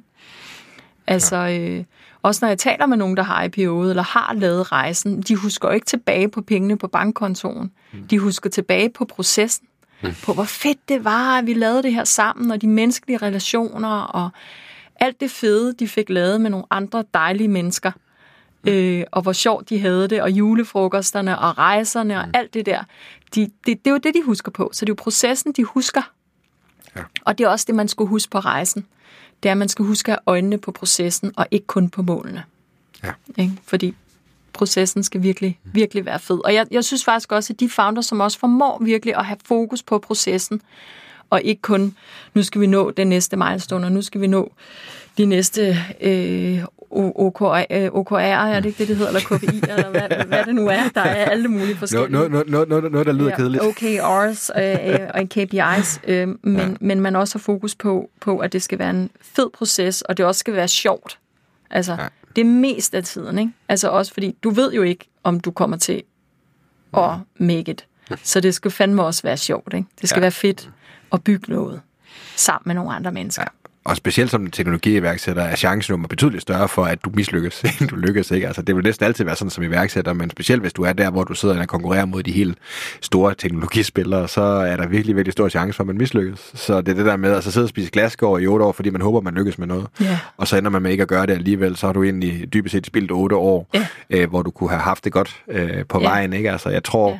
Jeg synes, der er rigtig, rigtig, rigtig, rigtig mange øh, kloge ord i det her, Cecilie, Ja. og, og netop det her med... Øh, det er i hvert fald også et mønster, jeg har set rigtig mange. Øh, Det er netop det her med, at man kan hurtigt blive meget målorienteret øh, Ja. på de her ting. Men Og, og jeg synes faktisk også, det er interessant, det der med, hvor- hvornår er det at lykkes, ikke? Mm. Altså nu har du lige haft, vi talte lige inden her om Anders Mattesen, der er jo også en fantastisk iværksætter, du har haft i studiet, ikke? Mm. Men hans historie er jo, at han brændende ønskede sig jo at blive rapper, ikke? Var det ikke Jo. det, han Ja. ønskede sig brændende? Og det blev han jo ikke, vel? Han lykkedes jo ikke der, Mm-mm. vel? Men, men hvem siger, at man ikke er lykkes, ikke? Ja. Jeg læste faktisk i den her sådan buddhistisk bog, jeg er ved at læse om, at en, en, en historie om, om, om en indisk familie, som havde satset, de havde en søn, og de havde satset alt på den her søn, uddannelsesmæssigt, og øh, du ved, øh, han skulle tage alt muligt sport og så videre, fordi han skulle ligesom forsørge hele den her familie. Og så sker der egentlig det, at han kommer ud for en ulykke og bliver invalid. Mm. Øhm, og så 14 dage efter udbryder der krig, og alle unge mænd i landsbyen, mm. de bliver indkaldt. Ja. Ikke? Så, så, så hvem siger noget er skidt, og noget er godt? ja. Ikke? Og hvis vi skal have det helt op på den helt høje, helt høje plan, nu vi er i gang, ikke? Altså, så er det jo netop også, hvem, det er kun ens egen definition af det, der er det, og det er jo netop det der med, at man kan jo altid vælge den respons, der er til de ting, der sker, og det er jo uanset, om man er iværksætter, eller om man er menneske generelt, ikke? Og det er det der med, jeg tror i hvert fald meget på det der med, at du netop, at, at det er i hvert fald noget af det, jeg har set, og det snakker jeg faktisk også om, øh, jeg har jo selv en enkelt podcast, hvor at, øh, en anden har interviewet mig, og det er jo netop det der med, de ting, der har virket som næsten uoverkommelige udfordringer i mit liv, er nogle gange efterhånden blevet de, sådan, de største øh, glæder og de største assets ud af det, ikke? Altså, mm. eller hvad man kan sige, sådan ting, der sådan på en eller anden måde er blevet positive. Mm. Så jeg tror, det er virkelig et mindset-ting. Øh, Jeg tror ikke, at man kan mm. undervurdere, hvor vigtigt det netop er. Det der med, altså, hvordan man anskuer tingene, og også at vide, at man kan anskue tingene mm. forskelligt. Mm. Altså, vælge et andet perspektiv. Det er faktisk, apropos Anders Madsen, det var noget af det, han sagde, jeg ville var så fint. Fordi han brugte rigtig mange år i komikermiljøet, hvor han følte, at han var lidt et øh, udstødt. Han følte lidt, at han var sådan, jeg vil ikke sige personen non grata, men han var bare sådan lidt, han synes sgu, de andre, de var sådan lidt efter ham. og så kan jeg bare huske, at han siger det der, jeg synes, det er så genialt. Så siger han, øh, så siger han, ja, jeg gik sgu bare lidt i den der offerrolle, det kan jeg sgu godt se. Men ved du hvad? Sådan en dag, det gad jeg sgu ikke mere. så vil jeg være. Altså, det, mm. altså, hvor mange af de historier går vi og fortæller os Ja. selv, hvor vi holder fast i et eller andet, hvor vi bare kan sige, nej, ved du hvad, det er faktisk ikke sådan, tingene er, ikke? Mm, det er det. Altså. Det er det. Jamen, du, du har... Ja, enig. Mm. Altid meget godt at sidde og snakke lidt om, mm. om uh, Anders Madsen. Ikke engang fordi jeg skal sidde Ja. og referere til bagkataloget. Nu nævnte du ham jo selv, ikke Ja, Cecilie? Ja, ja. En ting i hvert fald, som jeg synes, vi skal rundt om, øhm, som er noget, som, som vi også ligesom har snakket om inden, og som jeg i hvert fald tænker er noget af det, som vil kunne hjælpe mange, fordi det er jo vel næsten det, man kan tillade sig at kalde lidt af en folkesygdom blandt iværksættere. Det er det her, vi kalder imposter syndrome, eller det her med, at vi alle sammen går, når jeg siger vi, det kan jeg gøre, for jeg har det selv på fuldstændig samme måde. Det der med, at vi går og tror, at øh, vi er ikke gode nok, og lige pludselig så kommer der en eller anden, ligesom i Kejserens nye klæder, og hiver øh, kappen af dig, og så står du fuldstændig spillerne nøgen, fordi så finder folk ud af, at du er fuldstændig udulig. Øhm, kan vi ikke prøve at snakke lidt om det, og dine erfaringer med det, og selvfølgelig lige så høj grad også, hvad vi kan hjælpe øh, alle øh, lytterne, der sidder med den der fornemmelse af, at måske at de ikke er helt gode nok til det, de laver, selvom de, vi godt ved, at de egentlig er det. Mm. Jamen altså, en, en imposter syndrome, altså for det første, så er det jo sådan, det er jo ikke en diagnose på den måde, mm. øh, vil jeg bare lige starte med at sige, så det er jo ikke sådan noget, der er noget galt med en. Altså det er jo sådan en af de der følelser, der er, øh, som følelsen af ikke at være god nok, øh, som, altså jeg tror ikke, jeg har mødt en iværksætter endnu, som ikke har haft den følelse, eller har den følelse en gang imellem, ikke? Og det er jo fordi, at det er jo en enorm normal følelse at have, øh, både som menneske, hvis man prøver at skal gøre noget nyt, men, men især også øh, som iværksætter, fordi man jo, altså naturen er jo i iværksætter øh, rejsen, at man skal gå ud og sælge noget, som man ikke ved kommer til at lykkes. Så man står jo i princippet og oversælger noget hele tiden. Det gør man jo. Man, mm. man sælger en vision og en drøm, mm. og man ved egentlig ikke, om det kommer til at lykkes, men man sælger visionen og drømmen og planen for at komme dertil, og teamet. Ja. Øh, og så er der nogen, der skal købe ind på det. Så, så i sagens natur er det jo en poster der på den måde, du, du ved jo ikke, om du kommer til at lykkes. Så derfor er det jo enormt sårbart sted mm. egentlig at stå. Øh, og derfor kommer de følelser jo helt, helt naturligt op. Øh, så, så, så derfor er der mange, som, som, som har det, ikke?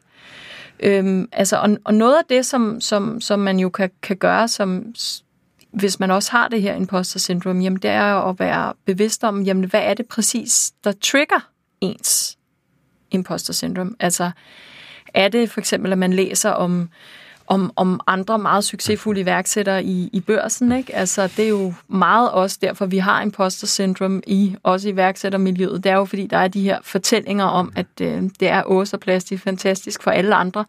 Så, så øh, og det er faktisk en ret sjov ting. Jeg har sådan nogle øh, foundergrupper med iværksættere øh, eller founders på tværs af, af, af startups øh, som egentlig sidder i de her grupper og, og deler øh, både erfaringer og følelser og arbejder med forskellige sådan, personlige ting. Øh, og, og det, der er fantastisk ved at se der, det er, at de egentlig ser, at de følelser, de selv sidder med, som følelsen af ikke at være god nok, følelsen om for at være bange for at fejle. Mm. Alle de her ting, den sidder de andre også med. Mm. Så det er ikke ligesom i børsen eller, eller der. Og det, det, det er enormt let. Altså, det er en kæmpe lettelse for dem ja. at se, at puha, de er også bare mm. mennesker, og de går også bare med de her følelser om, at øh, vi klarer den nok ikke, eller øh, jeg er ikke god nok til det her. Og det er jo også fordi, det er en anden ting i forhold til en imposter syndrom at være ikke værdsætter. En ting er, at man selvfølgelig skal sælge noget, som man overhovedet ikke ved kommer til at flyve endnu. Men en anden ting er jo selvfølgelig også, at man konstant, som du også sagde i starten, Bjørn, som var meget rigtigt, at man konstant er ude af sin komfortzone. Og det er jo en anden ting, der kan trigger øh, imposter syndrom. Det er, at man hele tiden bliver smidt ud i noget, man aldrig har prøvet før. Og selvfølgelig har man så en følelse, der hedder, jamen, kan jeg lykkes med det her? Ikke? Hvornår er der nogen, der siger til mig, at jeg ikke kan lykkes med det? For eksempel CEO-rollen. Der er jo rigtig mange founders, som påtager sig en CEO-rolle, men de har aldrig nogensinde prøvet det før. Nogle af dem har aldrig nogensinde haft en leder. Så selvfølgelig har de den følelse. Ikke? Ja. Men den første er faktisk, at man kan gøre ved det, det er jo at gå ind og identificere, jamen, hvad er det egentlig, der trigger dig? Altså, og hvad er det for en følelse, der trigger dig?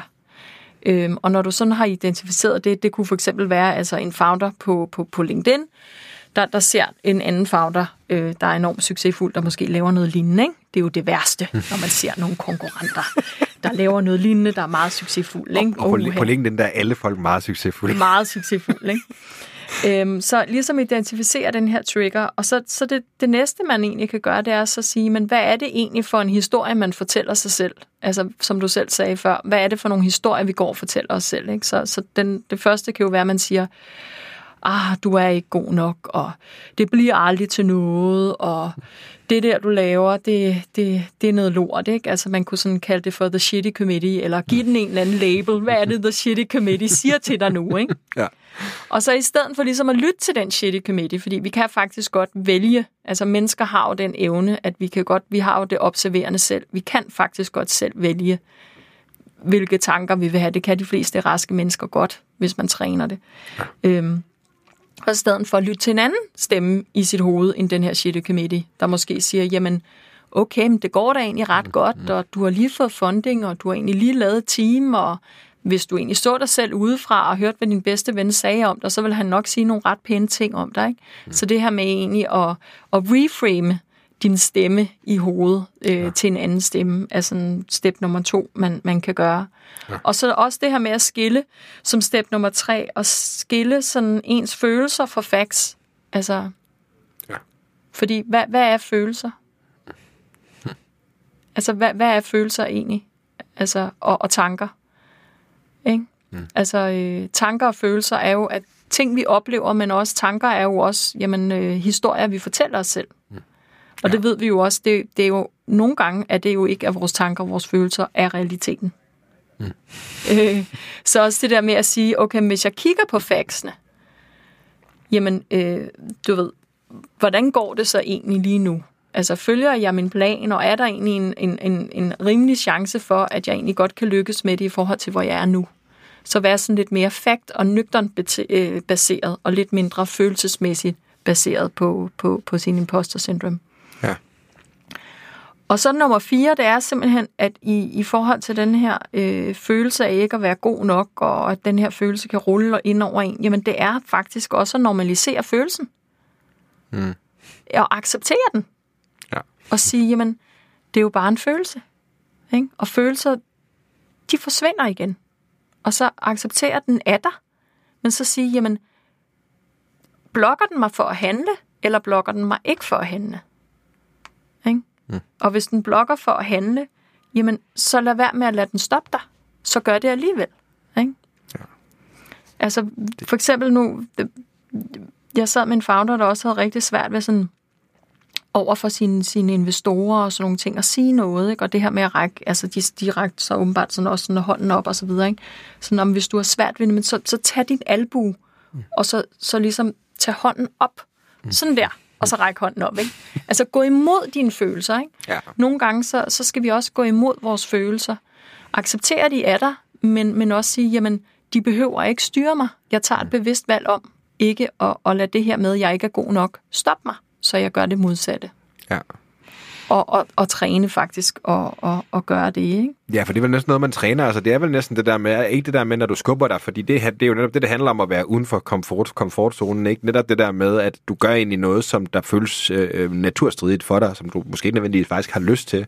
Men i hvert fald i min egen erfaring, jo mere at du gør det, øh, jo bedre bliver det også til det. Nøjagtigt ligesom med de fleste andre altså, øh, opbygning af evner og kompetencer og muskler, for den sags skyld, også hvis det var træning. Ikke? Du, du har fuldstændig ret, og jeg tror generelt, sådan, om det er imposter syndrome, altså den her frygt for, at lige om lidt, så er der nogen, der skal komme og se, at man ikke har tøj på, øh, og slet ikke kan det, man, man, man laver eller om det er frygt, eller om det er sådan overrumplende bekymringer, altså alle de her følelser, man har. Altså det tror jeg også er sådan en, en ting, som er meget super vigtigt, øh, og en ting, som jeg virkelig fokuserer meget på, når jeg arbejder med iværksætter, det er også at sige, jamen, det er jo naturligt. Det ville sgu da være mærkeligt, hvis ikke du havde de følelser. Fordi du er i gang med at bygge noget stort, og du er i gang med at bygge noget, ingen andre har bygget før. Så det ville næsten være unaturligt, hvis du ikke havde de her følelser. Ja. Af frygt og angst for ikke at være god nok, og, og mislykkes og alle de her ting. Ikke? Altså det er lidt ligesom det samme som, som at være øh, bjergbestiger. Mm. Ikke? Og ikke have adrenalin og være bange for at falde ned af bjerget. Mm. Altså hvis du godt kan lide at stå derude på kanten af klippen, så må du også acceptere, at de følelser kommer med rejsen. Ja. Øh, og de jo også kan hjælpe dig fremad, så de er jo ikke kun dårlige. Mm. Altså en imposterfølelse kan jo også være en kæmpe drivkraft til, mm. nu skal jeg fandme gøre det bedre end de andre, og mm. vise dem. Ikke? Ja. Så, så, så, så følelser kan jo både, du kan sige, øh, denne her grave, der sidder og siger, du er ikke god nok, og alt hvad du gør, altså, det kan jo også være en drivkraft til at gøre det bedre. en drivkraft til at komme hurtigere frem. Øh, øh, så, så den er jo ikke altid kun dårlig. Nogle gange skal man også elske lidt sin grav på skulderen. Ikke? Ja. Øhm, Ja, men det er netop det der med, og der, der kan man sige, når man snakker i hvert fald insecure overachievers og så videre, så er det netop det der med, jamen det, den usikkerheden er jo faktisk det, der driver dem mm. til at overpræstere helt vildt hele tiden. Ja. Øh, at, at så usikkerheden måske kommer fra et usundt sted. Altså en anden snak, det snakker jeg faktisk med Anders Bjergård om i, i, i vores snak med ham. Men, øh, men, men et eller andet sted, så er det jo netop det der med, hvordan vælger du at bruge det, der er for dig? Øh, vælger du at bruge det som noget, der skal banke dig selv i hovedet, eller bruger det faktisk som en, lad os kalde det et signal, omkring, hvad, hvad der er rigtigt og hvad der er forkert, og hvordan du kan bruge det til, til at bruge det sådan på en god måde Ja. for dig, ikke? jo, netop. Cecilia, tiden den øh, går vanvittigt hurtigt. Men vi snakker også om nogle ting, der er ekstremt vigtige. Så øh, jeg synes virkelig, der er mange enormt gode ting. Både sådan problematikker, vi taler rundt også, mm. og, om også, og du ved, helt konkrete ting, som vi også kan gøre ved, ved mange af de her Ja. mentale udfordringer, Ja. som der kan være i at være iværksætter. Ja. Ja. Er der noget, du tænker, du vi ikke har været rundt omkring, eller du gerne vil tilføje til, til det, vi har snakket om nu her? Men altså, jeg tror sådan, det, det, det, det, det sidste punkt, som jeg, jeg tænker, som... Altså, udover at vi snakker om her, hvordan man håndterer sine bekymringer og sine triggers, så det sidste punkt, som jeg synes egentlig er et vildt vigtigt område, som jeg ser også øh, er vigtigt, at man holder fast i på sin rejse som iværksætter, det er den her indre motivation. Altså, der kan nogle gange altså, godt ske det, at også når man får øh, venturekapitalfond og, og ind af døren, at den indre motivation godt kan, kan ryge. Altså, at man kan miste lidt connection med, hvorfor man egentlig bygger det, man bygger. Og når man også mister den connection, jamen så, så, så, så er der en større chance for udbrændthed, en større chance for stress osv., fordi man er ikke på samme måde. Hvis man er indre motiveret, jamen så er man meget man har meget nemmere ved at være i flow. Man har meget nemmere, altså arbejde føles ikke på den måde som arbejde. Øhm, jeg havde en, øh, en, øh, en, en founder, som, som, som jeg coachede, som, øh, som, som var helt, sådan en helt ung tech-founder, som, som havde lavet et, øh, et produkt, som skulle hjælpe handicappede mennesker. Og de havde så fået rigtig meget venturekapital ind på et øh, meget tidligt tidspunkt. Og øh, den her kapitalfond sammen med nogle rådgiver fandt så lige pludselig ud af, jamen det her øh, tool kunne egentlig bruges til at optimere salg, online salg. Mm. Så, og de her unge founders, de er sådan, puh, jamen okay, men så gør vi det, så går vi i den retning. Ikke? Og der egentlig sad og arbejdede med ham, han var enormt udbrændt og havde mistet motivationen og havde svært ved sådan at finde hoved og hale i det, han lavede og have fokus og sådan nogle ting. Og i vores samtaler fandt vi også ud af, jamen det, det egentlig handlede om, det var, at han havde mistet connection med sin virksomhed. Fordi at den, var, den havde taget en retning, øh, som, som slet ikke var rigtig for ham. Mm.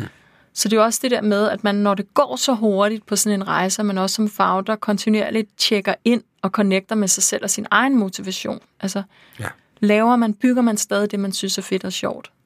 Øh, har man en rolle, det kan godt være, at den ikke hele tiden er sjov, men har man en rolle, som egentlig giver en smil på læben, når man kommer på arbejde?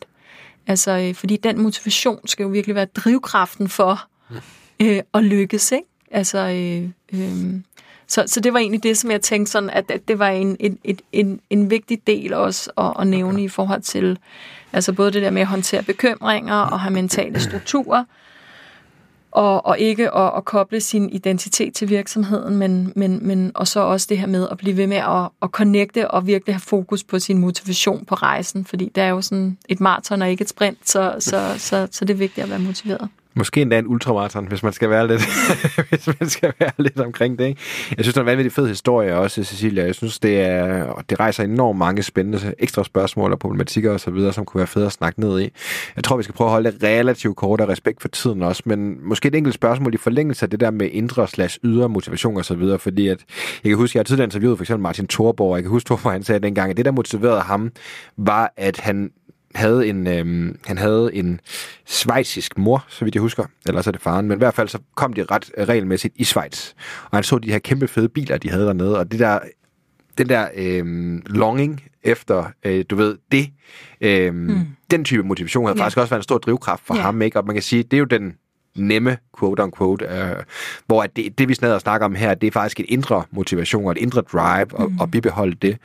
Øhm, du sad og snakkede lidt om, at, at check-ins i hvert fald var en, en måde at gøre det på, man skulle huske at mærke efter og så videre. Mm. Har du nogle konkrete værktøjer, som du ellers anbefaler til de, far, til de founders, der sidder derude og sådan siger, jamen, jeg kan sgu godt mærke, at jeg har været på den her rejse i tid, og måske føler jeg måske ikke helt så connected med det, som jeg gerne vil være, mm. eller i hvert fald erkender, at mm. rejsen ikke er den rigtige for dem, eller mm. du ved, øh, eller de i hvert fald er på et forkert spor på den her rejse mm. nu. Mm. Jo, men det er jo at reflektere over, øh, hvad er det egentlig, der gør dig glad? Altså, hvorfor står du op om morgenen? Øhm, altså sådan også de større spørgsmål. Altså den, den dag, man lukker øjnene, hvad, hvad kunne man godt tænke sig, at man havde brugt tiden på? Altså, øhm, altså livet er jo også kort, ikke? Øhm, og det, det glemmer vi jo også lidt, ikke? Og så nogle gange det der med, at man også bliver connected lidt til sin egen død, kan være meget godt i forhold til, at man lærer at leve livet bedre. Øhm, så måske også tænke lidt, uden det skal være sådan mega sort, men også tænke lidt på, at man ikke lever for evigt, og man selv skal dø, og de mennesker, der er omkring en, skal dø en dag. Og så, så hvad er det egentlig, man godt kunne tænke sig at ikke bare bruge tiden på, men bruge minutterne på? Mm. Øhm, her på, på den her jord, ikke? Mm. Ja. Det er super godt. Som en, der, som en, der har læst rigtig meget stoicisme, så så synes jeg, det, er sådan lidt, det, det, kan lyde lidt morbidt at have sådan et forhold til døden, men omvendt set, så tror jeg, som du selv siger, som også øh, vi kommer fra, øh, så tror jeg netop, at du er connected med det, og du er, erkender det, at det kommer til at ske. Og det tror jeg specielt, vi moderne mennesker er blevet lidt disconnected fra, øh, netop fordi vi lever rigtig lang tid, og man kan gøre rigtig meget ved rigtig mange ting, men netop det, øh, den erkendelse af, at øh, at, at vi ikke er her for evigt, så, øh, og ikke gør det på et... Øh, jeg sad faktisk og læste stoisk filosofi i går aftes, så det er derfor, det er helt top of mind. Øh, men, øh, men netop det der med, at, øh, at det måske engang i månederne, eller mm. årene, eller dagene, det måske lige frem timerne, eller minutterne, eller måske lige frem sekunderne. Mm. Øh, hvordan er det egentlig? Hvor er man henne? Og hvor er ens mm. mentale, mentale fokus? Ikke? Så jeg synes, mm. det er det er nogle virkelig, virkelig gode råd, og jeg mm. synes, det har været nogle virkelig, virkelig gode ting, vi kommer rundt omkring, Cecilie. Så. I lige måde. Det har været rigtig dejligt at, at tale med dig. I lige måde. Så, og vi plejer jo gerne at slutte lidt af jo, med de korte. Så har vi mod på det? Ja. Med, med hvad, sagde du? De korte spørgsmål. De korte spørgsmål, ja. Med, med, nå. Nå, ja, det var jeg, jeg slet ikke parat på. Nej, nej, nej, nej. Ja, jeg ved også, det var også en, det var også en god afrunding. Hvad, vi var, vi var, hvad er de lige. lange så, og hvad er de... Ja, okay. Yes, jeg er klar. Jeg er klar. Vi plejer altid at slutte af uh, podcasten her med sådan tre-fire relativt korte spørgsmål, som uh, er lidt mere sådan, lad os kalde dem værktøjsspørgsmål, eller bare sådan lidt, uh, du ved. Det første spørgsmål, uh, Cecilia, er det her med, um, har du en specifik bog, som du har anbefalet meget til andre, eller måske, måske ligefrem givet i gave? Den øh, bog, jeg vil anbefale, er, er skrevet af en, øh, en, en af sådan, de bedste founder coaches i Silicon Valley, der hedder Jerry Colonna, og den hedder Reboot øh, og Leadership and the Art of Growing Up.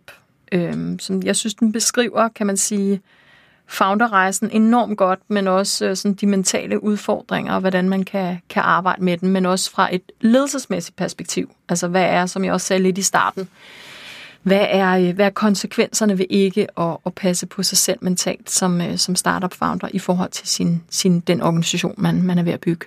Ja, interessant. Den er, den er hermed givet videre, Cecilie. Ja, det er Bjørn her. Undskyld, jeg forstyrrer, men jeg har lige kort opråb fra bogsponsoren på rollemodellerne, som er BookBeat. Hvis du, at du gratis kan læse og lytte til alle de bøger, som vi snakker om i dagens afsnit af rollemodellerne. Hvis du hopper ind på bookbeat.dk-rollemodellerne, så får du over 6 ugers gratis ubegrænset adgang til lydbøger, og så kan du lytte til mere end 250.000 forskellige bøger. Hvis du gør det, jamen så hjælper du også med at støtte rollemodellerne, og for at vi kan holde podcasten kørende gratis for dig, så er det faktisk nødvendigt, at du gør de her ting. Det er BookBeats støtte, som er med til at finansiere podcasten. Så kan du give mig det ene minut, det tager, og, øh, og prøve BookBeat.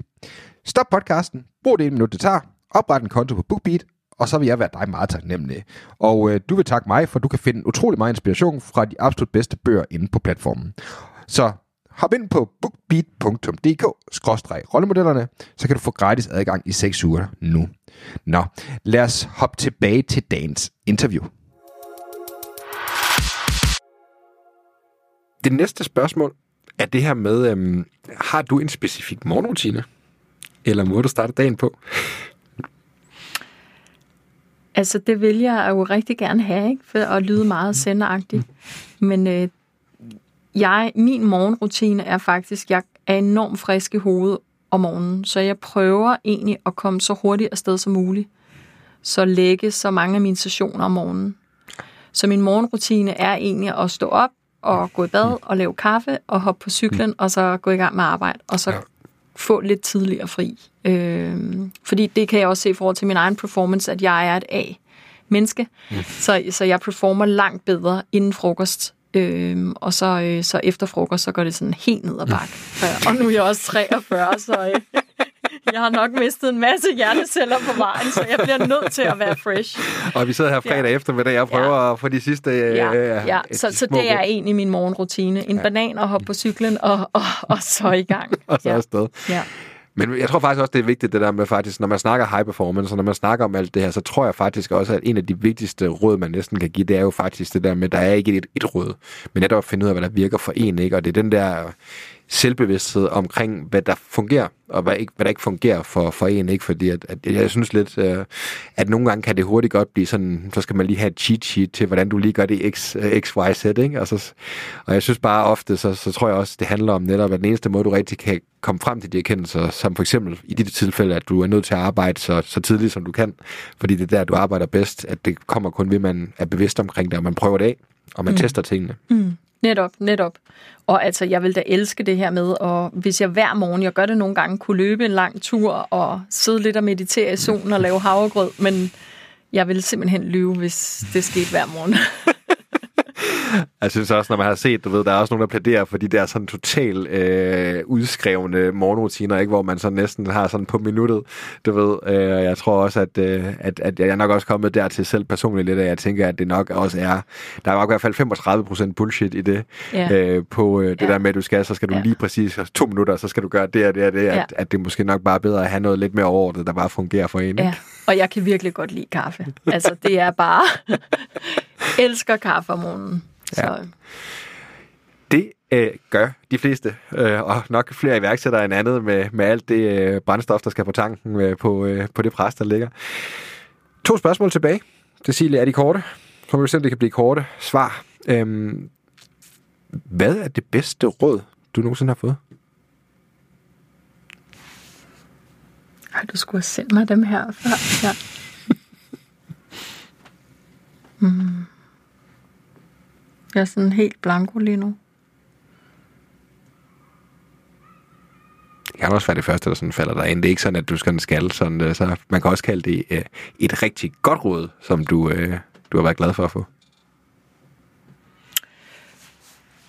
Jo, så jeg tror, det bedste råd, jeg har fået, det er, det er faktisk fra min far, øh, som, som er et kreativt menneske og fotograf, og, og jeg er kommet sådan lidt anderledes ud, øh, og er ikke sådan mega kreativ på den måde, men han sagde faktisk til mig, at øh, du skal have fokus på, at du skal finde det, du synes er fedt at lave, og sjovt at lave. Fordi hvis du ikke synes, det er fedt og sjovt, så bliver du aldrig god til det. Mm. Øh, og det, det tror jeg på en eller anden måde, det er et fantastisk råd. Altså, fordi hvis man kan være så heldig at lave noget, som, som, som ikke føles som arbejde, øh, og som man synes er rigtig fedt at lave, jamen, øh, så, så, så, så tror jeg også, at på et eller andet tidspunkt, jamen, så, så bliver man også god til det. Øh, ja. Godt råd til, øh, til Cecilie, fra, fra Cecilies far, og øh, da jeg, det der faktisk er super fascinerende, er, altså fordi at du er ikke den første, jeg har hørt, der har sagt sådan noget along the lines af det, eller, eller, eller ham i, i dit tilfælde. Jeg synes faktisk, det er meget sjovt også, fordi man tænker meget over det der med, at når det er sådan, at du ved, find noget, du sådan, øh, synes er fedt og er god til at lave, mm.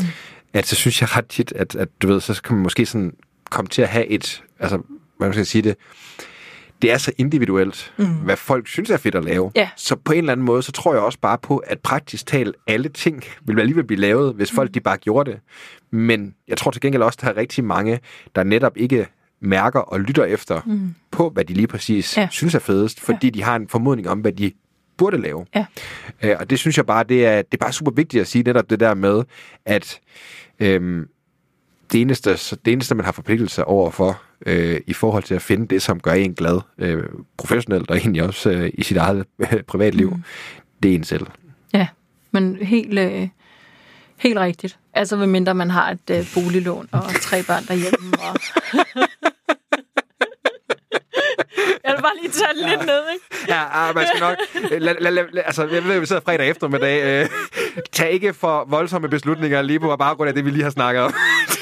men, men, men så vil, og så vil jeg også sige, jeg synes, det er, en god, det er et godt råd, og jeg har, jeg har virkelig levet efter det hele mit liv, men det skal så også siges, at det har taget mig lang tid at finde lige præcis det, jeg synes var allerfedest at lave. Altså, jeg har altid lavet noget, som jeg synes var sjovt og spændende, men jeg har, altså, det, det er først næsten som, som nu her, hvor jeg har lavet min egen virksomhed, at jeg virkelig sådan er i zonen. Altså, så, så det er også for at sige, det, det kan jo godt det kan godt tage lang tid at finde det. Nogle er så heldige, som mine forældre, de er jo begge to kreative, og sådan blev ligesom født med, at det var det, de godt kunne tænke sig at lave. Og det, det kan jeg også bare misunde nogle mennesker, de nærmest skal komme ud af maven, og ej, jeg synes bare, det er det fedeste at lave det her. Men det er jo ikke alle mennesker, der har det sådan. Nogle, mm. For nogle mennesker, der tager det der tager det et liv, eller en rejse, eller et, et noget længere tid at finde ud af det, ikke?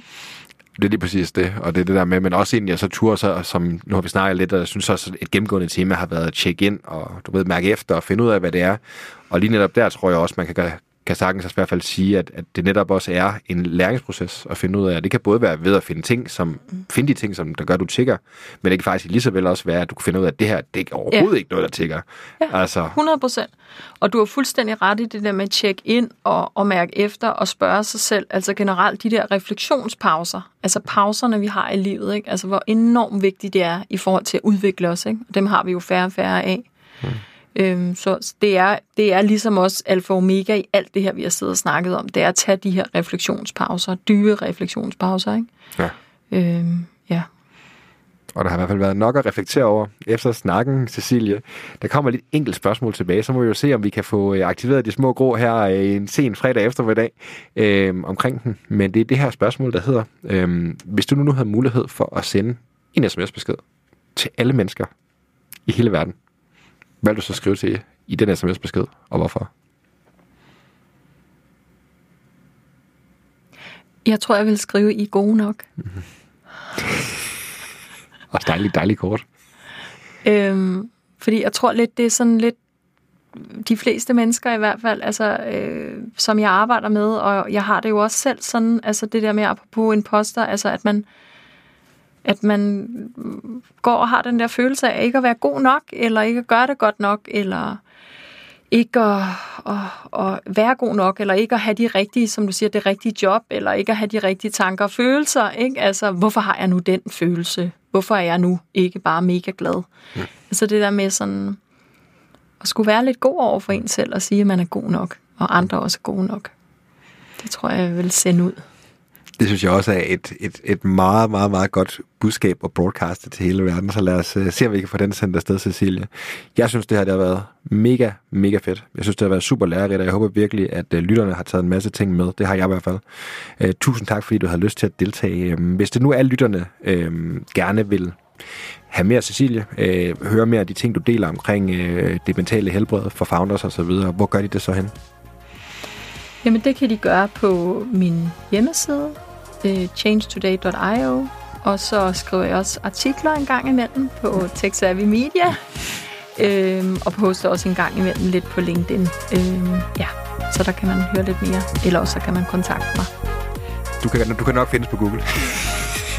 Ellers så smider jeg i hvert fald et link i show notes. Cecilie, tusind, tusind tak for en rigtig, rigtig god snak. I lige måde, Bjørn. Tusind tak. Du har lyttet til Rollemodellerne. Podcasten er produceret af mig, Bjørn Vestergaard. Klipper redigering, Anders Guldberg. Jeg er tilbage med en ny inspirerende gæst næste gang, så du kan starte med den bedste inspiration.